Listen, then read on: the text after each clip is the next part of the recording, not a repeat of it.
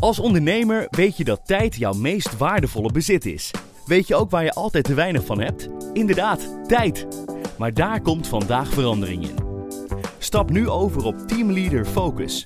De gebruiksvriendelijke bedrijfssoftware die CRM, facturen, offertes en projectmanagement samenbrengt op één overzichtelijke plek.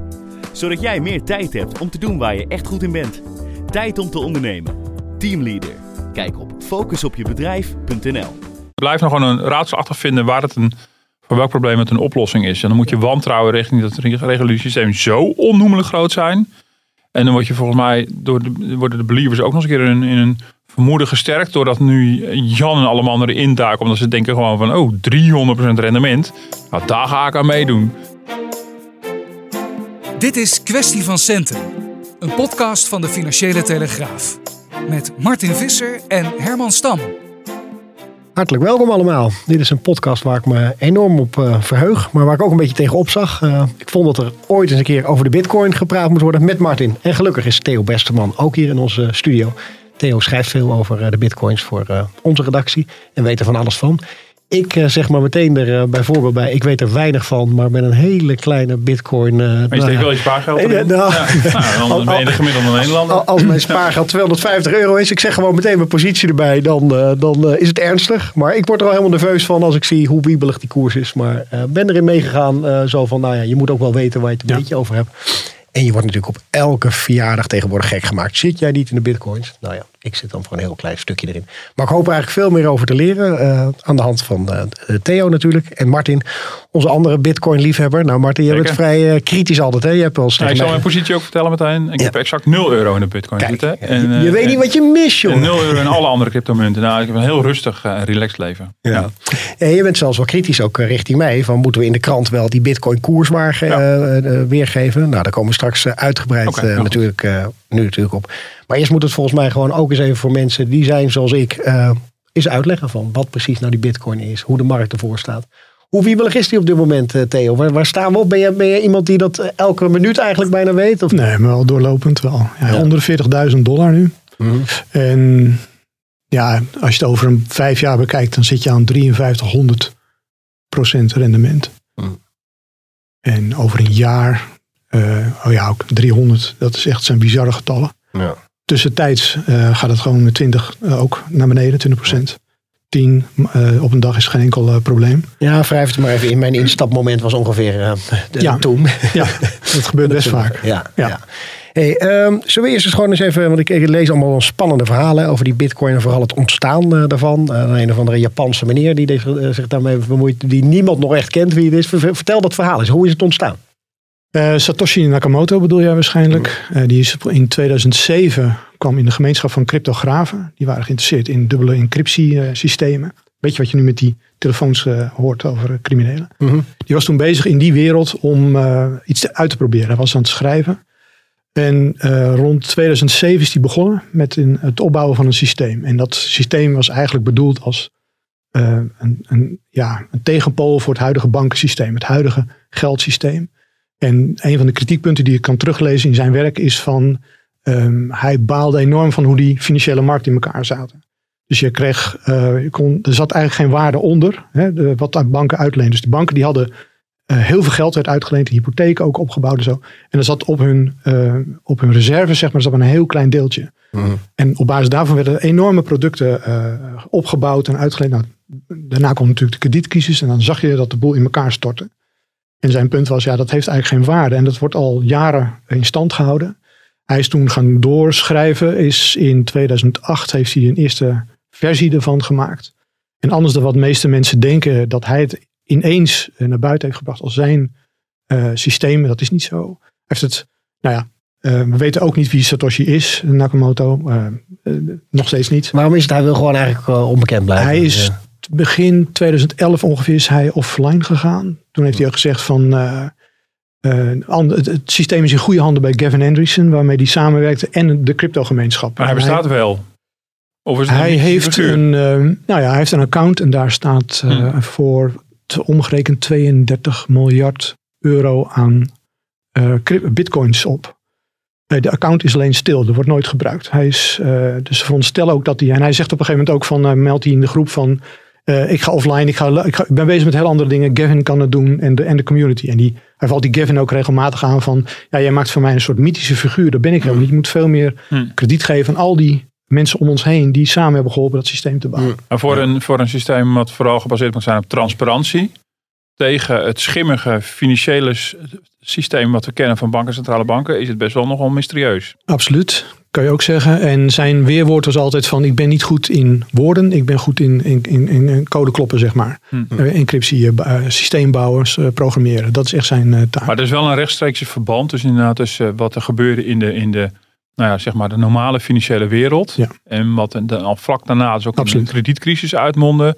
En het ontstaan van die munten. Dat is een één op één verband. Het Ja, wantrouwen richting het, het, het, ja, het, het reguliere financiële Ja, absoluut. systeem. absoluut. Ja. Er zat geen, eh, bij hem geen eh, eh, flintertje eh, licht tussen. Hij wilde dat systeem gewoon om eh, hebben. Ja. En zeker in het begin was er echt een club die zei, dat doen we aan mee. Want Ja. nou, het sentiment was natuurlijk beroerd. 2008, 2009. 2009 ging bitcoin echt een beetje lopen. En ehm, althans, heel klein was het toen nog. En heel, het was, stelde niks voor in, in bedragen. Maar het systeem, daar kreeg steeds meer aanhang van waar ben je mee bezig. Het werd getest. Hmm. En ik, je kan ook een beetje weerspreken dat het zomaar een systeem is ehm, wat, wat heel eenvoudig is. Want het is, het is toch wel complex. Ehm, en het is complexer gemaakt. En, en naderhand, zeg maar, de, laatste pak een beet eh, tien jaar misschien. Ja, is het eh, veel ehm, beter opgetuigd. Ook nog veel, veel vernieuwd. Er zijn veel vernieuwingen bijgekomen. Dus het is lang niet zo dat dat eerste idee eh zaligmakend is. Alleen, nou, ik kom misschien nog op, maar die, die, die bitcoin die draait op de blockchain. Mhm. En dat systeem is tot nu toe niet eh, gekraakt eh, Mhm. of te kraken geweest. Wel Dus de dat is het. Het is handelsplatforms transparantie. Het is transparantie. Het is buiten het reguliere financiële systeem. en peer-to-peer. En- dat is het allerbelangrijkste. Precies. En het is, Dus eh, dat, je, dat wij met elkaar munten kunnen delen, zeg maar. Ja. Op basis van vertrouwen. Nou, precies. hoe- Zonder dat Klaas Knot of zo ertussen Ja, zit. Of een ja. minister van Financiën. Want dat deel, Martin, dat moet Ja. jou toch aanspreken. Je bent vaak kritisch hè, op eh, Ja. monetaire instellingen Ja. en eh, nou, de beslissingen die ze nemen. Ja. En dan denk ik van, nou, daar wordt Martin misschien wel enthousiast over van, van, van de munt voor de mensen. En die munt voor de mensen. ja.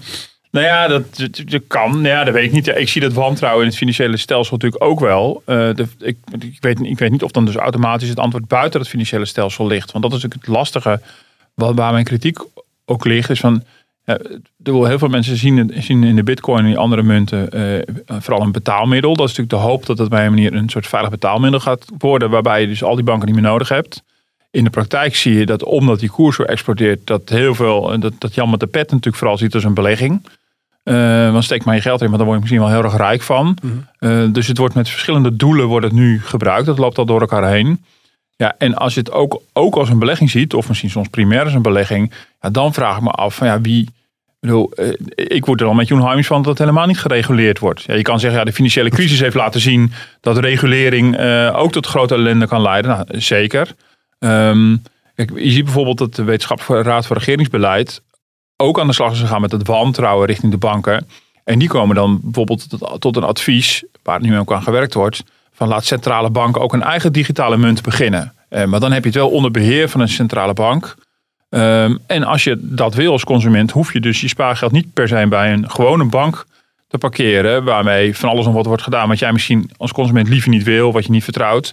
Dan ben je rechtstreeks bij de centrale bank. Maar de veronderstelt wel dat er ook gewoon vertrouwen is in die centrale bank. Ja, ik ben niet zo ver om te zeggen, ik, ik vertrouw het hele financiële stelsel niet meer. En overigens, dat was bij eh, Nakamoto ook niet zo. En eh Buterin, eh, Vitalik Buterin, en de oprichter van, van Ethereum, of in ieder geval de gangmaker, de grote, de tweede munt, zeg maar, naast Bitcoin, Ethereum, die zegt zelf openlijk van jongens, eh, beleg er niet massaal in. Dat, eh, pas op wat je doet. En Nakamoto heeft ook, of de groep Nakamoto, hoe je het ook wil zien, de anonieme groep, heeft ook al gezegd, dit, dit systeem komt altijd naast het bestaande systeem. Dat zal echt nog zeker 10, 20 jaar duren voordat dat echt een beetje tot wasdom kan komen. Dus ja, om nou, weet je wat, een, een zwart-wit tegenstelling te veronderstellen van crypto betekende per definitie het omvallen van het andere systeem. Nou, da- daar zal een hele tijd overheen gaan. Ook vanuit hun gedachten. Ik geef maar weer hoe zij erover denken. Ja. Kijk, er zit een deel is absoluut revolutionair en wil absoluut vanwege het enorme uitwassen. En nou, vergeet niet de schade. Mensen hebben toen echt eh, pijn geleden. Eh, Herman, jij bent in de Verenigde Staten geweest. Nou, je weet hoe die, eh, die hypotheekmarkt daar kaalslag heeft veroorzaakt. Nou, dat zit, die pijn dat zit bij die mensen absoluut erin. Ja, maar als je het nou heel praktisch en concreet maakt. Hè, bedoel, van, van oorsprong is het de bedoeling om er een betaalmiddel van te maken. Nou, we, we gaan het ongetwijfeld ook over Elon Musk hebben. Het ene moment mag je wel je Tesla ermee afrekenen, het andere moment weer niet. Uh, dat gaat een beetje dat als een pingpongbal. Maar even verondersteld, ik kan mijn Tesla kopen met een bitcoin. Wat heb ik daar als consument aan dat dat kan? Wat, wat is voor mij het voordeel dan? Uh, ik denk bijna niks. Ik ben helemaal eens uh, daarin. Het is gewoon dan, als, als valuta is denk ik nog, heeft het nog steeds geen waarde bewezen. Als, dit, als ik de, de consensus in de gemeenschap een beetje weergeef. Het is een waardeopslag. Mm -hmm. Je kan tijdelijk je geld opstallen en dan hoop je maar dat dat meer waard wordt. Of in ieder geval geen waarde verliest. Dat, ja. dat zou het kunnen zijn. Maar als betaalmiddel ja, is het echt inefficiënt uh, gebleken. Wat is het nu? El Salvador, uh, geloof ik, uh, gaat het accepteren als betaalmiddel. Klopt, klopt ja. Is dat misschien het soort landen waar het wel weer een toegevoegde waarde heeft? Of ook niet echt? Ja, zeker. Dan kun je er meer landen naast zetten. Want er zijn meer landen die naar kijken. En die, uh, El Salvador had de dollar uh, vaak als, als standaard munt. Ja. Nou ja, daar wordt natuurlijk aan, aan getrokken. Aan die munt uh, verliest waarde ook. Ze wilden een eigen munt. En wat een argument wat heel veel mensen gebruiken van... Ja, jullie zitten vanuit het Westen nou te kijken naar die, dat cryptosysteem. Dat is zich mooi, dat is transparant. Je kan altijd alles volgen. Maar besef goed dat bijvoorbeeld mensen in Afrika, delen van Afrika, delen van Latijns-Amerika, nog nooit een bankrekening hebben gehad. Nee. Dan is dit systeem peer-to-peer, dus wij kunnen onderling ja. afspreken dat we uh, betalingen doen. Is dit heel praktisch om, om waarde over te dragen. Ja. En dan bepalen we onderling wat waarde is. Uh, Ja, en- met, met natuurlijk de, de kritiek, ja, die, die, eh, die waarde gaat enorm op en neer. Maar dat is Precies. Ja, Nee, precies. Want je ziet dus nu dat gebeurt in extreme mate nou, al, al langer. Nou, je zag het bijvoorbeeld eh, toen, toen China natuurlijk aankondigde dat ze de boel aan de, hand, aan de banden gingen leggen. Zag ik ook al koersbewegingen. Nou, Ja. nu, nu recent natuurlijk vooral met Elon Musk. Die het ene moment zegt van, oh nee, je kan toch niet een Tesla ermee afrekenen. En nou, nou misschien toch weer wel. Ja. Dan zie je dat het een enorme impact heeft. Eh, dus ja, als waardeopslag is best wel ingewikkeld. Want als jij je Tesla afrekent met één bitcoin... Ja, kan een dag later blijken dat je er achteraf veel te veel... of misschien veel te weinig voor hebt betaald. Ja. Eh, Ja. Maar hoe zien de bedenkers van die munten zelf... dat zij tot een soort, soort stabiele koers kunnen komen... als er dus niet iets als een centrale bank achter zit dat dat reguleert? ja dat, dat heeft, nou, als je de bitcoin neemt, daar worden er maar 21 miljoen van gemaakt. En dat is de, de enige munt, voor zover ik dan ken, die dat, eh, die beperking heeft. Dus meer vraag leidt tot eh, grotere eh, prijsstijging. En je hebt dollar tokens, heb je dus ook. Dus aan de dollar eh, gekoppelde eh, Ja. cryptomunten. Dus daar heb je die volatiliteit al veel minder. Ja, dan gaat het alleen maar om de techniek. Ja, Dan precies. is de munt eigenlijk gewoon, eh, eh, Ja. net als heel veel gewone munten aan de dollar gekoppeld Ja. kunnen zijn, is dan ja. Ja, als ik het goed weergeef vanuit de oorsprong, als je gewoon terugleest wat Nakamoto daarover zei, voor die, die bewegelijkheid. Er moet een gemeenschap komen waardoor als die gemeenschap groot genoeg is, dan zal die volatiliteit alleen maar afnemen. ja. Ehm, en nou ja, er zit een beloningssysteem ook achter, dus het is aantrekkelijk gemaakt om naar die crypto toe te gaan. Dus dat, wat dat betreft heeft hij eh, wel een punt gekregen van trekken heel veel mensen naartoe. Je houdt, Maar is, maar is het gegarandeerd dat het aantal bitcoins in de toekomst echt ge- ge- gelimiteerd Ja. is? ja, de Er software is is geen de- enkele mogelijkheid technisch gezien Nee, dat, dat- dat, eh, iemand nee. zegt, oh ja, by the way, nou, toch, toch, toch wel. tot eh, wat we nu weten, is dat, eh, is dat niet beperkt eh, op andere manier. Dus die 21 miljoen is het maximum. Er is, zit, tot nu toe is uit die code of uit de, bewerking daarvan is niet gebleken dat, die, dat er opeens meer zouden kunnen. En een, geinig dingetje was dat iedereen denkt dat het Nakamoto dat zo opeens bedacht heeft. Maar er zat in het begin eh, t- 2007 ongeveer zat er een bug in het systeem. En dook er opeens iets van, ik meen 284 miljard bitcoins op. Hm. Dat hadden ze niet goed ingeregeld. Nou ja, Ehm, nog meer foutje. Ja, echt, ja teruggekomen. Nou, dat geeft aan dat, dat het echt niet alleen die Nakamoto was. Ja. En dat ze samen tot een deal Maar zijn. toch probeer ik dat op conceptueel te begrijpen. En eh, dan, en dan, ga, dan Ja. wordt het al ingewikkeld. Als je, als je zo, zoiets al conceptueel niet echt begrijpt, hoe kan je dan echt goed vertrouwen in hebben? Maar goed, stel nou in een ideale wereld, tenminste ideaal in de ogen van de Bitcoin-adept, zou je in de hele wereld alleen maar met Bitcoins betalen. Eh, de hele economie draait op Bitcoins. En de Bitcoin is gelimiteerd. Dat is toch raar? Bedoel, Want dan neemt de vraag in de loop van de tijd, in de loop van de decennia, naar Bitcoins alleen maar toe. Dus je krijgt natuurlijk een enorme inflatie. Eh, dus het is toch, bedoel, centrale banken zijn bezig de hele tijd de geldhoeveelheid te reguleren. En die passen ze aan aan de ontwikkeling van de economie. En onze, onze economie groeit, hebben we ook grotere geldhoeveelheden. Ja. Dus ik begrijp gewoon niet waarom het logisch is om het aantal bitcoins te limiteren. Waardeverstijging, ehm, dat is de, motief. En Dat is een van- inherent de bedoeling dat het ding steeds duurder wordt.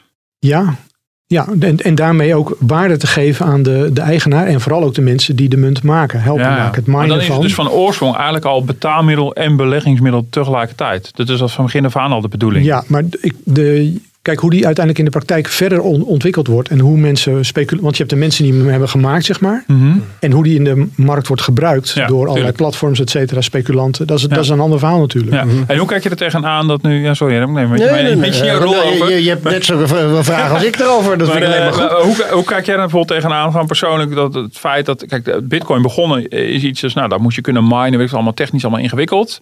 En inmiddels zit het natuurlijk in een fase dat het door Jan en alleman via allerlei platforms wordt aangeboden aan de gewone consument. Hm.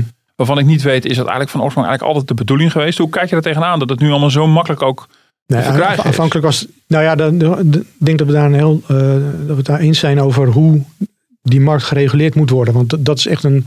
een- ja, ik vind, ik vind het gewoon een zwakte in het systeem, het Nederlands systeem, maar ook Euro, Europa of wereldwijd. Maar, het maken ervan, dat is één ding. Dat is op zich complex, maar eh, als je de goede apparatuur hebt, dan is het tot tot aan toe. Wat er gebeurd is, is dat die enorme prijsstijging heeft, eh, is tot stand gekomen dankzij handelsplatforms.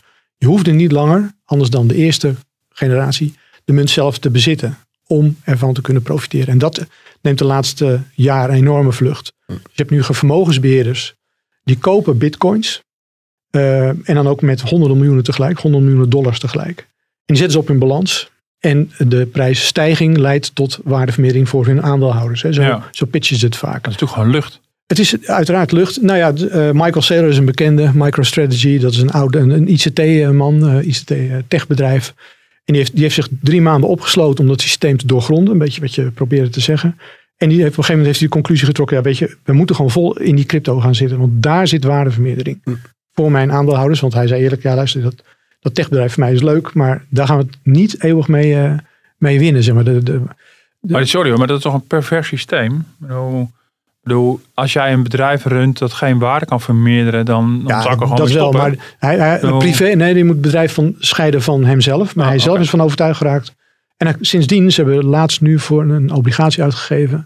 om tot 1 miljard dollar weer aan bitcoin bij te kopen. Terwijl Maar- iedereen zei van. Eh, je, hebt moet een eruit. En hij zegt: kom erop. Maar je hebt dus een aandeel in een bedrijf. Maar eigenlijk heb je dus inmiddels dan een, een gewoon, heb je gewoon via jouw aandeel in dat bedrijf, Juist. heb je gewoon bitcoins in Ja, je bezit. en heel veel, heel veel consumenten nu, die hebben bitcoins via een platform zonder ze zelf te bezitten. Ja. En de andere, dat is het andere tere punt natuurlijk Ja. in het systeem. Wat nou als het gehackt wordt? Wat als je je wachtwoord van je munt niet meer hebt? hè? Het is een Ja. dubbele encryptie. Wat als je er niet meer bij kan? Nou, inmiddels is het rond ruim, ja, ik weet het niet helemaal zeker, maar ongeveer 5% van alle munten is onbereikbaar. Hm. Omdat mensen een van de, de, de, het belangrijkste wachtwoord kwijt zijn geraakt. ja. Ja, ik moet zo lachen, want eh, we, we hebben honderden vragen aan Theo. Het lijkt echt, je bent helemaal niet alleen, je bent hier niet eh, voor om alleen maar de crypto te verdedigen. hoor. Dat doe je ook in je stukken niet. Dus het is Nee, heel nee. erg lastig volgens mij om altijd de balans daarin te vinden. Want je hebt echt een beetje zo de believers en de not believers. En eh, mensen willen al snel iemand in een kamp drukken. Van ja, die zegt dit omdat hij zelf in crypto zit. Ja, en, ook. en op Maar zo online gaat het daar niet over. Alleen Martin en ik hebben een soort spervuur aan vragen van ja, hoe zit dit en dat. Eh, maar ik denk toch dat het even goed is om nog een paar van die praktische vragen te stellen. Want je, je hebt het dan over de, de wallet. Hè? En heel veel mensen zeggen van ja, je kan eigenlijk niet erin stappen zonder die wallet. Want dan ben je gewoon beter beschermd. Dat moet je eigenlijk wel doen of niet? Ja, dat, technisch gezien zou je, is dat ook zo, denk ik. Dat Als je, je kan hem altijd beter bezitten. Mhm. En dan moet je hem goed beveiligen zelf. En goed wachtwoorden beheren. Maar dan zit je aan de veilige kant. Je weet bij een platform, dus laatst weer een grote hack geweest. Ja, dat gaat wel echt met 100 miljoenen tegelijk eh, verdwijnt dat. Mhm. Daar wordt heel vaak veel weer teruggevonden. Omdat je, je kan bitcoin altijd traceren op het systeem, op het blockchain. Dus als een partij hem beweegt, als die hem gaat aanbieden, dan eh, komt hij in de markt. Dus dan is dat zichtbaar. En, maar goed, het blijft natuurlijk, voor het vertrouwen is het een drama. Mount Ja. Gox destijds, ook een enorme hack. Ja, dat, dat is gewoon verschrikkelijk slecht. Ja. En toch heeft het mensen niet weerhouden. Dat is de andere kant. eh, dat om, om die munten te kopen. Dus er zit bij heel veel mensen ook echt een anti-bankensysteem. een anti, Ja. eh, en, Ja. en dat zijn voor een deel ook mensen die in goud zitten. En traditioneel was goud een vluchtheuvel. Hè, als er inflatie komt, dan ga je naar goud. Ehm, en nou, je merkt gewoon dat, dat ehm, trouwens ook heel veel voetbalfans in crypto zitten. Maar heel veel mensen in die goud hadden, Ja. Ehm, ja, gecharmeerd zijn. Maar het is van- natuurlijk van fascinerend. Ik bedoel, eh, want al die garanties die je het liefst zou willen hebben tegen hacken en wat dan ook, die, die zijn gewoon geregeld in het financiële stelsel. Ik bedoel, als jouw creditcard wordt misbruikt, krijg je gewoon je geld terug. Hm, En eh, dat is natuurlijk, ik bedoel, dit- bedoel, het is allemaal al een keer uitgevonden. Dus ik, dus ik blijf ook altijd maar zoeken van, wat voegt het in vredesnaam toe? Nou, eh, begin met de kosten. Ehm, zij, zij stellen gewoon als wij peer-to-peer afspreken dat wij een, een munt heen en weer sturen naar elkaar voor een huis of wat dan ook. Mhm. En wij spreken daar nul kosten op af. Dat zal een bank niet doen. Uh, sterker nog, die, uh, die krijgen vaak het feit uh, enorme premies erop ja. te leggen. Dat is er al eentje. Um, overigens kost het mijnen van bitcoin natuurlijk ook geld. En de transacties kosten geld. Dus daar is ook wat tegen in te brengen. Maar dat is, dat is een voorbeeld. Ja. Waarom, en vergeet toch echt niet, zeker bij die eerste generatie bitcoin bezitters, was er gewoon een antisysteem denken. Ja. En die hebben ook alles wat je opbrengt, dat interesseert ze voor een heel deel, maar ze zien gewoon niks in dat bankensysteem. Nee. Nou, kun je nog eventjes uh, dat mining, hè? want ik denk dat ook heel veel mensen denken van waar hebben we het nu in godsnaam over. Hoe, hoe word je een miner voor bitcoin en uh, hoe, hoe werkt dat dan? Nou, als je, uh, om bitcoins te maken is een collectief systeem. Ehm, daar zit een, een, een, softwarecode en die kan je gebruiken en daar kan je op je computer zetten. Dan kan je hem aan de gang zetten en laten werken en dan kan je hem, um, kan je hem minen, kan je hem produceren. Mhm. Um, er zijn partijen die dan, maar er moet geverifieerd worden of dat wat op de blockchain komt, het, gro het digitale grootboek zeg maar, of dat ook klopt. Of, dat, of er niet zomaar wat opgezet wordt. Nou, dat is een, een, wereldgemeenschap die met, met standaard protocollen voor tests dan kijkt of zoiets klopt. En die accorderen dat ook. En het wordt in een geschakeld, heet ook een blockchain en een netwerk. Ze nemen een blokje code uit de laatste.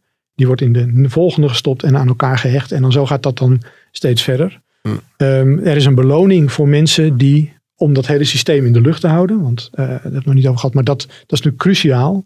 Als, als, als je bitcoins hebt en je kan hem op, opeens het hele internet valt uit. Ja, dan, dan is er een probleem. Maar ook als de blockchain zo uitvalt heb je ook een probleem. Ja. Dus, er dus wordt, mensen een, die enorme serverruimtes uh, aanbieden daarvoor? Of? Ja, maar ook gewoon... Uh, nou, er zijn mensen die wat meer schuifruimte hebben bijvoorbeeld. En die dat aanbieden. Uh, die krijgen, als je maar doordraait, kun je een beloning krijgen. Die beloning is gewoon 6,25 bitcoin. Um, maar goed, daar moet je best lang voor mijnen en dat, uh, dat, dat zit erachter. Dus dat, daarmee uh, trek je mensen naar het systeem toe. Die hebben er alle belang bij om het systeem in de lucht te houden.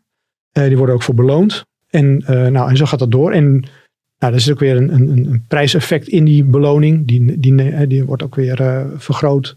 Dus daarmee hou je ook mensen erbij, zeg maar. Dat is ook mm. het, het, idee. hebben wij in Nederland grote partijen die dat doen? Miners? Nee, nou, mij niet heel groot bekend. De echte grote partijen zitten in het buitenland. En de, de, ja, de truc voor hun is altijd de laagste. Het zijn gewoon economen. Weet je. Ze kijken gewoon het laagste, laagste kostenpunt voor energie. Waar kan ik dat vinden? Ja. Dus uh, El Salvador, een mooi voorbeeld. Die, uh, die president heeft gezegd: Ik heb 13 vulkanen. Ik doe aan geothermie. daar kan ik energie uithalen.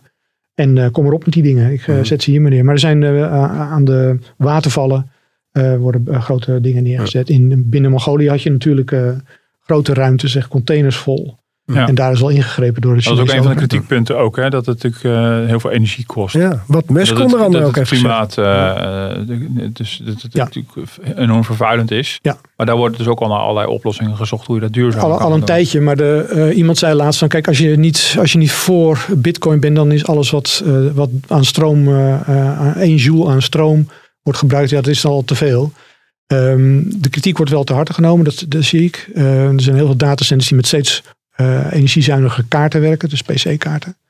Um, ik zeg het even simpel, dus het is iets complexer. Uh, en er zijn ook vernieuwingen nu bijvoorbeeld bij het Ethereum aan de gang. Dat gaat echt een gigantische beperking van stroomgebruik betekenen. Maar het moet zich allemaal nog bewijzen. Het is allemaal heel mooi gezegd, maar in die kritiek, ook in die gemeenschap zelf, want dat zijn natuurlijk voor een deel is dat gewoon mensen die heel bewust omgaan met het financieel systeem. Dus die nemen die kritiek wel ter harte. Hm. Maar ja, uh, dat, het krijgt zo'n vlucht en het is ook zo, het, je kan er ook zoveel geld mee verdienen door van die rekken te bouwen en, en, uh, en vol te zetten. Met, met spe, dat zijn dan specialere computers om te minen, zeg maar. Een actiesysteem, en die doen niks anders dan die bitcoin maken.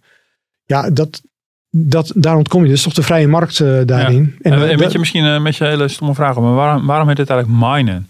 Een minen suggereert dat je ergens iets opdelft wat er Ja. al ergens in de grond zit, Ja, wat je naar boven haalt. Terwijl ja, ik met mijn boerenverstand denk van ja, maar als jij eh, weet je wat, 21 miljoen bitcoins wil maken, dan tik je toch, en je bent te bedenken, dan tik je toch in het systeem 21 miljoen en pat, dan zijn ze er. Maar er moet blijkbaar iets ergens uit opgehaald worden. nou, da- en dat Daar is, ben ik meestal weg. Maar misschien ik geef, geef mezelf nog één kans door het aan jou te vragen. Dan moet je teruggaan naar de, de, de opzet die Nakamoto heeft uh, gemaakt, met anderen dan waarschijnlijk. Uh, en daar zit, dat is een systeem uh, waarbij je langzaam tot die mining komt. Maar er zit, dat is ook een systeem met beveiliging erin. Dus eh, het veronderstel dat je zomaar iets op laat poppen, ja, dat, dat, dan moet je teruggaan naar zeg maar, die hele encryptiewereld uit, uit Mhm. daarvoor. Daar komen ze ook uit, uit vandaan.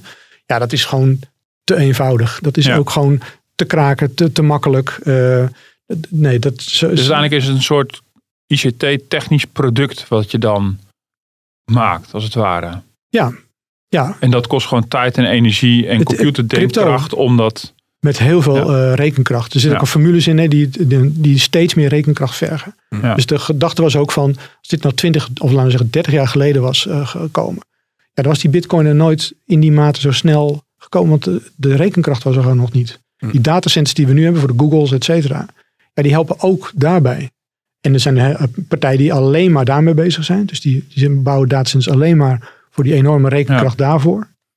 Ja, dat is zo. Dat is, Ja, eh, dat klinkt best wel En dat ingewikkeld. allemaal in onze weilandjes in Noord-Holland, waar ook eh, dat soort ja, data maar toch vooral in, eh, heel veel in het buitenland. Mhm. Echt eh, waar het laagste kostenpunt is. Dat, Ja. dat is het Ja, allerbelangrijkste. elk- bij, bij alles wat je zegt is een soort reclame voor, eh, de, voor de euro en de dollar en het reguliere financiële systeem.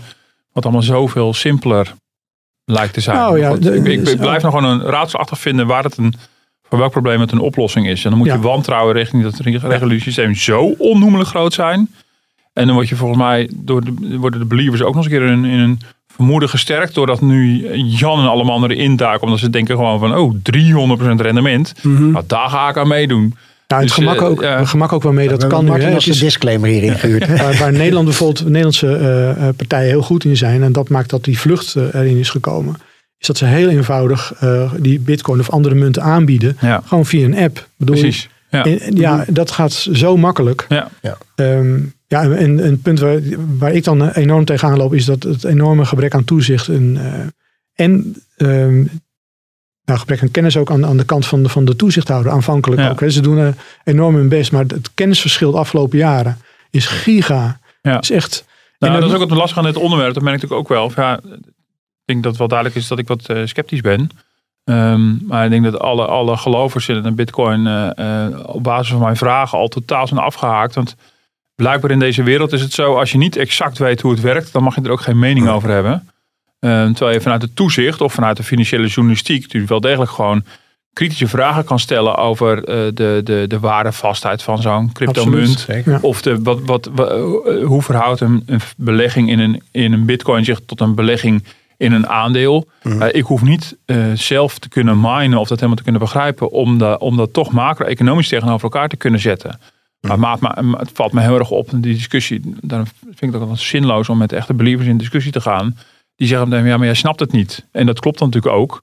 Maar dat, dat doet niks af aan de legitimiteit van je, van je argumenten. Maar daar lopen de toezichthouders natuurlijk ook tegenaan. Nou, en, en daar is, ehm, zeg maar, in de, in de toezichthoudende sfeer zijn er, zeker bij de AFM, daar heb ik wel met mensen gesproken. En die zei ook van, ja, het, het is complex. We hebben ons echt moeten scholen. We hebben mensen bij moeten halen. Hm. Om, en we gaan ook kijken. Dus we hebben echt heel veel tijd erin geïnvesteerd om te gaan kijken in de, in de, ja, in de, in de, in de, in de datacenters, zeg maar, die ze Ja. gebruiken. Van hoe doe je het, hoe pak je het aan? Voordat ze eh, dan in aanmerking kwamen om, eh, om weer een stap verder in dat toezicht eh, te komen. Ehm, maar je hebt gelijk, de, die believers die overtuigen je niet en aan twee kanten niet. Maar er is wel een poging gedaan en ik denk dat die ook wel vruchtbaar is van twee kanten. Om meer interesse in elkaar te hebben van hoe, oké toezichthouder, wat heb je nou van ons nodig? Want veel partijen die bakken met geld verdienen en zien van ja maar straks komt er misschien een verbod op. Je Ja. hebt natuurlijk alle belang om te zeggen van joh, eh, kom, eh, eh, kom met duidelijke regels. Ja. Mhm. Geef Ja. ze. Ja. En in die discussie zijn ze. eh, Maar het, het probleem is dat de toezichthouders vaak niet aangeven wat ze bedoelen. Dus die recente rechtszaak van de Nederlandse bank versus eh Bitonic. Ja. Ja. dat is echt een cruciale. De, de, de, de Nederlandse bank heeft daar als toezichthouder verloren. Ja. Nou, dat, als je die rechtszaak terugkijkt, dat is ook, vond ik ook eh, eh, ja, ontluisterend soms. En wat wil de DNB bereiken en wat is nu dan bij de, bij, voor de Het ging erom dat DNB zei op basis van de anti-witwas eh, eisen die er gesteld zijn. Eh, waren nog veel meer eh, details, maar laten we dat erbij pakken. Eh, moet je eh, als eh, constant verifiëren als platform of eh, iemand een munt eh, overmaakt aan, naar die andere. Of de waarde overmaakt aan de Wat we andere. van ING en ABN AMRO ook vragen. Ja, en da- daarbij werd bijvoorbeeld gezegd, je moet een screendump of een video maken Mhm. op het moment dat jij dat doet. Ja. En daar was echt zo'n platform, ja, wat, wat, wat is dit? Dat is A, kan helemaal niet. Nee, nou, het is, ja, je vat het goed samen. Er zijn heel veel meer, meer woorden over tafel gegaan. Dat ging echt, nee, maar ze zei van, jullie begrijpen het fundamenteel niet. Nee. Het kan helemaal niet. Bovendien, denk je dat nou echt dat je een, een crimineel zo gaat blokkeren? Ja. Tuurlijk niet. Maar dit toont natuurlijk wel een prachtige dilemma aan, ook voor die, voor die toezichthouders. We hebben natuurlijk recent al gehad dat de directeur van het Centraal Planbureau, dat is dan geen toezichthouder, maar een, eh, meer een voorspeller, een, eh, Ja. een, een, analysemaker, van, een economisch analysemaker. Maar die de, de pleiten voor een verbod. Ja. Omdat hij ook met het dilemma zit, ja, we kunnen het ook onder toezicht stellen. Maar met het onder toezicht stellen legitimeer je het als het ware. En daar zitten ze voor mij ook enorm mee in de maag. Want dat zit natuurlijk de autoriteit financiële markten, die toch maar ook toezicht houdt op alle financiële producten. Ook vaker mee met financiële producten die heel riskant zijn. Eh, en dan vaak buiten hun toezichtskader vallen. En dan weten ze ook van als we dat op ons bordje krijgen, dan is het daarmee ook gelegitimeerd. En dat is ook wel een dilemma natuurlijk. Ik vond dat, dat, dat die Hazenkamp eh, ten onrechte is echt een beetje afgesfeerd. Soms de, vergeet gewoon de, de, de diepe zorgen die die man heeft. Hè? Ja. Hij probeert het een beetje polemisch. Heeft hij het Ja, weergegeven? Een column, ja. Ja, Oké, prima. Maar Ja. de- hij komt echt met zorgen. En hij, hij, Die hij deel probeert je het- ook. Absoluut. Hij, hij absoluut. schetst natuurlijk namelijk dat de clash onvermijdelijk is. De crash, sorry, niet de clash, crash. Denk je dat ook? Want daar zit die zorg natuurlijk. Als heel veel mensen, heel veel particulieren vermogen opbouwen in bitcoin En dan het is het stort een kat in in, de zak. Ja. Ja. dan... eh, Hij, ik denk dat hij vanuit zijn functie, en dat zouden mensen moeten, uh, moeten waarderen dat hij Mhm. daarmee komt, moet hij het, het maximale systeemrisico vatten. En Ja. het maximale systeemrisico kan zijn dat de waarde naar nul gaat. En de Nederlandse bank heeft ook al zegt letterlijk, je moet bereid zijn alles te verliezen. ja, Hè, dat, dat zit er nu eenmaal in. ja. Ehm, de andere Maar is, is, is, is, het, is eh, het aandeel van, ik bedoel, voor mij heel veel mensen hebben, zoals Herman, eh, als een soort spielerij, eh, toch? Mag- mag- mag- Nee, dit wordt echt mijn... Ja, dit is voor mij, dus, ja, je snapt er geen Je reet van, je toch geld zie je mij niet meer. Dan ben ik helemaal binnen. Maar ik bedoel, dat geldt ook voor heel veel mensen. Een graantje mee willen pikken. en, maar- en technische interesse. Ja, dat zit er ook, ook er zit ook heel veel in. Interesse in, eh, in, eh, in de achtergrond van het ontstaan hiervan. Maar is het al zo groot, zeg maar, dat het ook een, echt al een financieel risico in zich heeft? Qua omvang kan je zeggen nee. Eh, dat is gewoon niet zo. Qua volumes, dat is, daarvoor is het gewoon te klein. Hm. Is Maar het heeft wel de potentie om tot zoiets uit te groeien. Nou ja, als er iets van 200 miljoen mensen al in, in bitcoin-achtige producten zitten Ja. eh, wereldwijd, dan ga je toch kijken van oké, eh, dit is wel een systeemrisico aan. aan Mhm. Kan het worden? Ja. En dat bedoelt Hazekamp denk ik Ja, ook. Hè? Van, heus niet van dat het nu omvalt. Eh, De andere kant is van hoe wil je dat dan reguleren? Hm. Het is een peer-to-peer groep. Het is juist bewust zonder centraal punt gemaakt. Ja, maar toch heeft China natuurlijk wel, eh, China heeft toch wel pogingen gedaan om dat aan banden te leggen. China, in China kan je het volgens mij, als ik het goed geïnformeerd ben, nog altijd bezitten, maar niet eh, verhandelen. En alles eromheen, het hele ecosysteem, Hm. wat, wat steeds sterker wordt, hè, steeds, steeds groter, steeds zitten ze ontzettend veel slimme breinwerk aan eh, daaraan. Ja. Dat, dat wordt gewoon platgelegd. En Ja. het gaat ook wel verhuld. Het is niet met een duidelijke regels. eh, Nee, Hè, dat de- kan binnen het Chinese politieke ja, systeem en je, kan je- dat. Maar, je eh, moet je echt afvragen. Ik vind dat echt eh, ja, heel stom. eh, eh, vanuit dat het zo lang duurt voordat er in ieder geval een duidelijk antwoord komt. eh, hoe je om moet omgaan met toezicht. Je kan ook zeggen, het is een peer-to-peer systeem eh, onderling. Dit is niet centraal te reguleren, maar we moeten het anders doen. ja, En, wat, en een andere misvatting is dat er in Nederland geen regulering zou zijn. Dat is ook niet waar. Want zodra jij een munt naar een platform brengt, dat platform eh, wordt gecontroleerd door de Nederlandse bank. Eh, nou, en er zijn echt massa's partijen afgevallen. Ja. 53 partijen hebben zich aangemeld. Net 15 zijn, door, door, zijn er doorheen gekomen. De rest is gestopt, gevlucht. en daar zit wel regulering al op, die platforms. Ja. Daar zit, ja, Ja, en niet misselijk ook. platforms Hè? van buiten Nederland gebruiken Ja. natuurlijk. En daar kunnen ze weer niks eh, tegen doen, toch? Nee, eh, en buitenlandse platforms die op Nederland eh, richten, dat, dat is natuurlijk een, een, een, een- daar- ja, dat blijft een probleem. Dus je moet het Europees op zijn minst aanpassen. Je moet, op, je moet normen maken van hoe gaan we hiermee om mensen. En dan, ik denk als je dat doet, dan kom je ook meteen, dan kom je misschien bij jou Martin, eh, terug op het bestaande fiat-stelsel. Is Ja. dat nou wel zo goed? Kunnen we daar niet aanpassingen brengen? Het is niet voor niks dat banken enorm eh, gecharmeerd zijn van die blockchain technologie. Hm. En stilzwijgend ook van cryptomunten. Want ze experimenteren er allemaal. Ja, ja. En centrale banken hadden we heel kort even over, zijn ook bezig met digitale munten. Dus ik, het is allemaal Ja. niet dan precies hetzelfde. Eh, want dat is wel bij, binnen het reguliere systeem. Ja. Maar dat is wel in ieder geval een mogelijkheid dat je in de toekomst misschien een, een rekening kan aanhouden bij je centrale bank. Waar dat, dat geld dan ook gewoon 100% gegarandeerd is. Tot een bepaalde hoogte. en, eh, en, eh, Beperkt. ja. Ja. en eh, waar je dan een veel lagere rente krijgt. Maar dan weet je ook dat er met jouw geld geen rare dingen gebeuren. Nou, als Mm. mensen dat prettig vinden, dan, eh, dan, dan kan dat. En het kan ook een, tot een nieuwe be- betaalsysteem leiden wellicht. Ja. Dat moet ook allemaal een beetje blijken.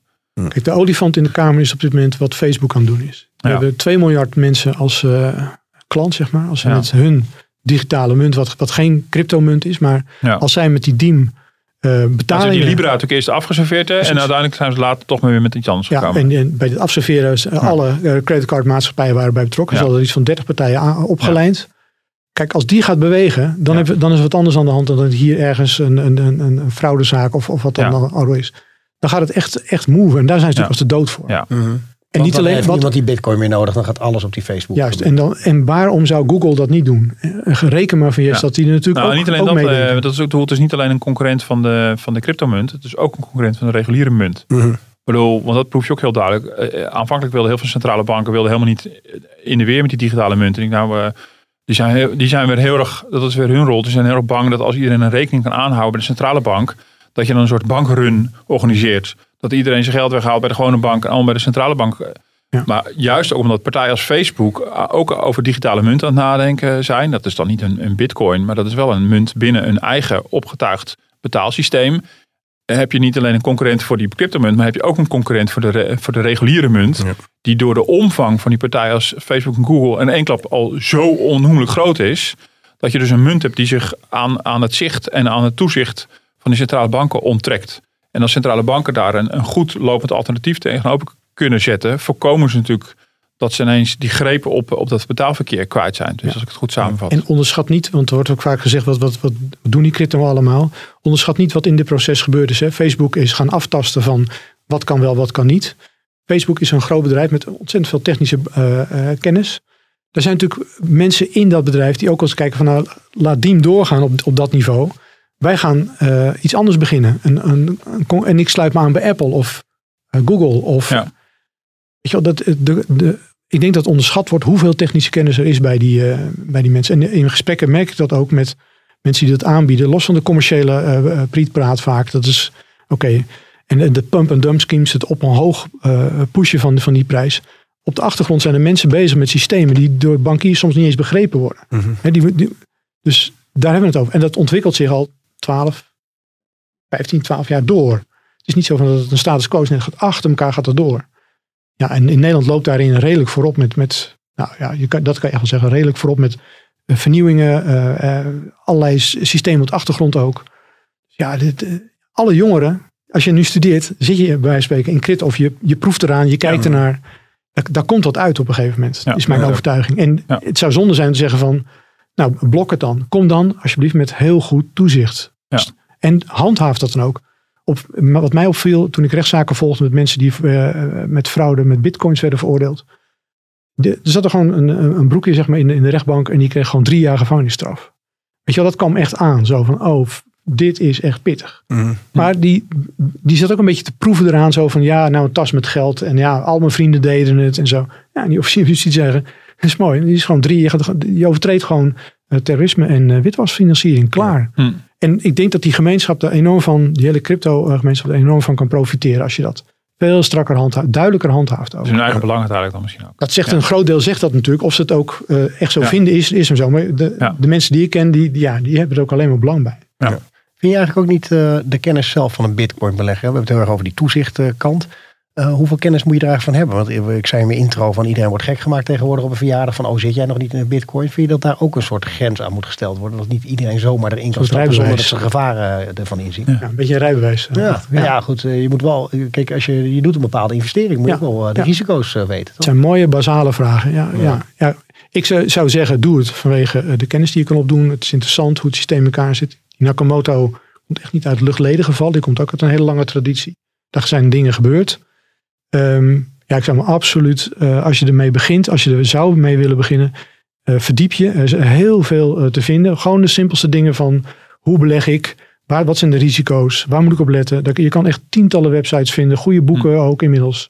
Dus ja, er is, er is, er is genoeg om, Ja. om je mee te verrijken. En dan- luister naar deze podcast. We gaan dit vaker doen, want we hebben volgens mij nog wel honderd vragen over. Maar ik wil even voordat we afsluiten ook nog even over Elon Musk hebben. Want daar, eh, Martin noemde hem terecht. Want Ja. dat hoort ook wel in dit verhaal. En ik vind ook vooral van hoeveel invloed zo'n man op een koers kan hebben. Waarvan je denkt, hoe kan dit? De ene keer denk je, hij is net blijkbaar weer uitgestapt, dan weer ingestapt. Hoe kan het dat één man zoveel invloed op zo'n koers heeft? Nou, tientallen miljoenen volgers. Ja. Dus daar, daar begint het al mee. Is in, in Amerika denk ik ligt het anders dan bij ons. Als je, ik, ben, ik heb een uh, presentatie van zijn auto's gezien in Los Angeles.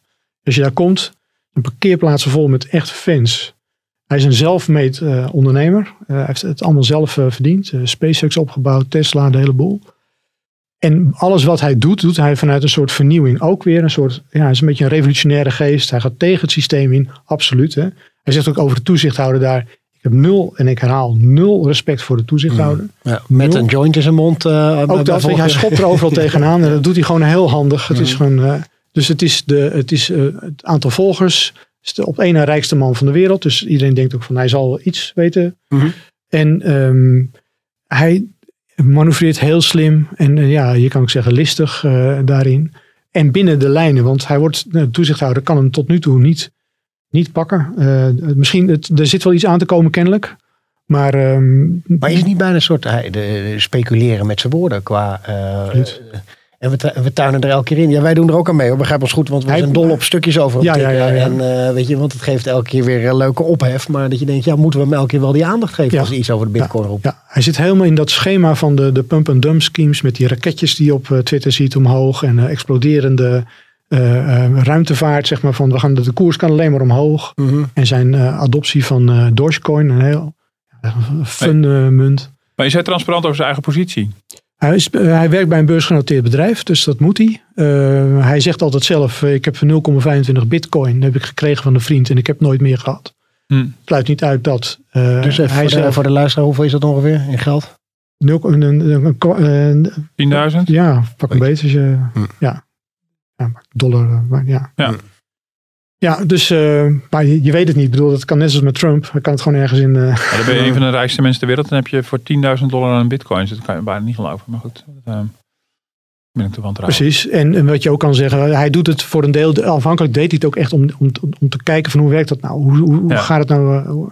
Hij heeft in ieder geval uitgeprobeerd of de koers reageert op zijn uitspraken. Dat weet hij alvast. Zegt, nou, daarvan zegt hij van, wij hebben ooit voor 1, als Tesla 1,25 miljard aan bitcoins gekocht. Hmm. En wij, uh, gaandeweg hebben wij 10% verkocht. Dus het argument, en daar gebeurde bijna niks met de prijs, want dat heeft pas later werd dat gemeld. En dat is het bewijs dat als wij een grote positie in bitcoin, dat, dat is het al enigszins, en als Tesla, verkopen, dan is dat, uh, geen, is dat geen teken dat de koers uh, wordt gemanipuleerd of wordt beïnvloed. Hm. Is zijn verweer. Hè? Ik geef weer wat hij uh, ja. zegt. Maar het, het, blijft natuurlijk heel raar. En er zijn ook, ik vind het ook heel raar dat er zo weinig mensen daar tegen te weer komen. zeggen van, dit moet, er zit een grens aan wat je, als je doordenkt, een munt waar, waar dan verder niks onder zit als kritiek. Uh, maar zo laten oppompen en, en dan en de volgende dag weer 10.000 eraf. Mm -hmm. ja. ja. Nee, maar tegelijkertijd denk ik, nou, dit laat gewoon heel goed zien wat het is. Nou, het is een belegging zonder onderliggende waarde. Ja. Dus dat is, daar, dan krijg je dat. Dit hoort toch nou gewoon ja, en, bij. En als je dat spannend vindt, ik denk dat veel mensen dat wel spannend vinden. Mm. Nou ja, dan kom je in de arena van uh, de, de, de goldbugs en de, de eurosceptici. Die zeggen, hoeveel zit er dan onder die euro, behalve dan Ja. onderlinge afspraken. Ja. De dollar is losgelaten van het goud. Dus daar zit ook helemaal niks onder. De Chinezen kopen al geen dollars meer, geen eh, American Treasuries meer, eh, staatsobligaties meer. Dus dat hele systeem klapt eh, in elkaar straks. Zeker met de inflatie die eraan komt. Hm. Waarom zou je in godsnaam nog in een euro gaan zitten? Dat is dan ja. hun verweer. Nou, dan moet je gewoon even de, de koersgrafieken van de euro-dollar en de bitcoin-dollar naast elkaar leggen. En dan heb je het antwoord. Ja. Dus het antwoord is namelijk de euro helemaal stabieler is. Ja. Omdat er gewoon eh, fatsoenlijke mensen ja. met, een, met een, eh, een mandaat en onafhankelijkheid. ik bedoel, ik heb ook even kritiek op de ECB. over van alles en nog wat. Maar dat zij proberen die, die, die koers van die euro eh, redelijk stabiel te houden. Dat is natuurlijk wel evident. Ja. En ja, dat, is, dat, dat gebeurt al weet ik veel hoeveel jaar. Eens, eens. En dus dan is het antwoord daar weer op. Ja, maar luister, bitcoin is 12 jaar oud. Net. Ja. Ja. Ehm, goud er ging 3000 jaar eh, overheen, et cetera. Dus ehm, Nee, dat is Geef het wat bedoel, tijd eh, dit en, kan er ook over 50 jaar natuurlijk totaal anders uitzien. Dat is ook, Ja. dat is ook absoluut waar. ja. En je hebt nogmaals, eh, om duidelijk te maken, het is niet dat er, om weer te geven wat daar speelt, het is niet één gemeenschap die erin zit. Je hebt de hardcore. Je hebt mensen die zeggen, ik wil er gewoon tijdelijk van profiteren. Hartstikke mooi. Ik wil Ja. een beetje kijken hoe het zit. En er zijn ook mensen die echt wel eh, er eenmaal in zitten van, ja, wat is het nou eigenlijk? Mhm. En die hebben de- dezelfde kritiek Ja. ehm, op het systeem. Ja. Maar goed, het systeem geeft ook wel, eh, ook als je het niet vertrouwt, geeft wel een, een zekere stabiliteit. We hebben natuurlijk centrale bankiers worden aangesteld met een bepaald mandaat, met een bepaalde doelstelling. En die moeten er naar streven dat, de, dat de, de, de, de inflatie iets onder de 2% blijft. Nou, dat lukt de ene periode wat beter dan de andere. Maar in ieder geval, je ziet dus dat ze, dat ze over de grote lijn dat het redelijk lukt. Dan nu is de inflatie al een tijdje heel laag. En ze probeert die ook omhoog, omhoog te krijgen. Maar goed, eh, de inflatie gaat nu omhoog. Daar hebben we de vorige podcast over gehad. In de coronacrisis de vraag is of dat tijdelijk is of niet. Maar dan nog, al, in Amerika heb je nu een inflatie van 5%. Dat is heel uitzonderlijk. Stel dat het een poosje aanhoudt, dat verhoudt zich nog totaal natuurlijk niet tot de koersexplosie van de bitcoin. Dat is natuurlijk een heel ander verhaal. Ja. En je weet, daar zitten wel mensen uh, aan de knoppen die willen proberen om dat weer te beteugelen en weer in te tomen. Dat is een, gewoon een langetermijn mandaat. En als ze stelselmatig en niet hun eigen mandaat uh, waarmaken, dan, dan, dan stelt de politiek op een gegeven moment andere mensen daar uh, aan. Nou ja, daar tegen ingebracht, ik, ik, ik, geef maar weer hoe zij dan reageren, is dat ze hebben het mandaat om de, de inflatie naar, naar dichtbij tot 2% te krijgen. Nou, nauwelijks uh, in geslaagd de afgelopen jaren. Uh, dus hoe goed zijn ze dan? Hè? Ja. Wat, wat, uh, ja. Is dat dan zo? Waarom regel je dat niet? Dat is een Ja. beetje heel plat gezegd. Ja. Hun verweer dan. Ja, nee, dat, eh, dat eh, snap ik. Ja. Ja.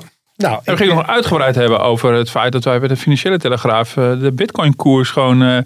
Eh, ik heb het even genoemd, toch? Ja, ja, in het begin zeiden we, daar komen we nog op terug. Maar, eh, daar komen we niet meer. Nou, daar komen we misschien in de volgende podcast op terug. want bij onze DFT is, eh, je kan beleggen in de AEX, de DAX, de Brent-olie, de, de euro-dollar of in de Bitcoin-dollar. En dat vind ik, wel, eh, vind ik wel opmerkelijk dat ook wij financieel journalisten, om even zelfkritisch te zijn, dat ik ook mee worstelen. Van, Mm. eh, met wat moet je precies met die Bitcoin? Je zei al iets over, hè? je kan elke scheet van Elon Musk in de Ja. krant zetten.